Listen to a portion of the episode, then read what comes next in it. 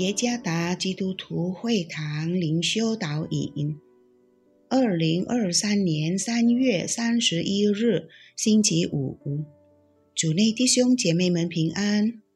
今天的灵修导引，我们要借着圣经箴言十四章三十节来思想今天的主题：脱去极度的捆锁。作者。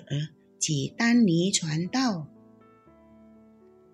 箴言十四章三十节：心中安静是肉体的生命，嫉妒是骨中的朽烂。有一个有关嫉妒坏影响非常优美的童话故事。这故事说，有一只老鹰嫉妒它的朋友。因为它可以飞得更高，这老鹰被嫉妒所辖制，无法清晰地思考。有一次，他在森林里遇到了一个猎人，并且觉得这是一个发泄心中嫉妒的机会。他走近猎人，说：“你看到那边的大老鹰吗？如果……”你能射中它，那将是一个非常大的收获。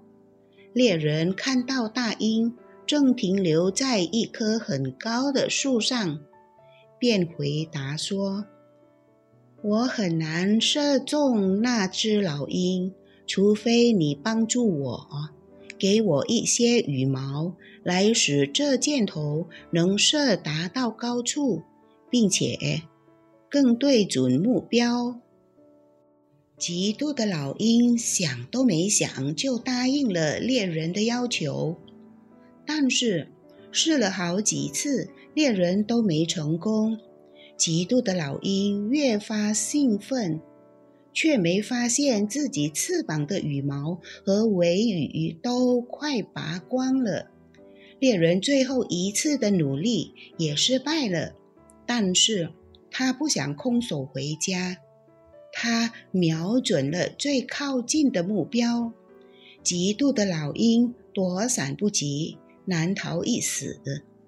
这个故事提醒我们：嫉妒将我们引向毁灭，嫉妒会毒害我们的心灵，蒙蔽我们的眼睛，使我们无法清晰的思考，反而做出。对自己不利的事情。今天的经文教导我们一个很重要的人生智慧：心中安宁，则全身清爽。这种安静与极度相对立。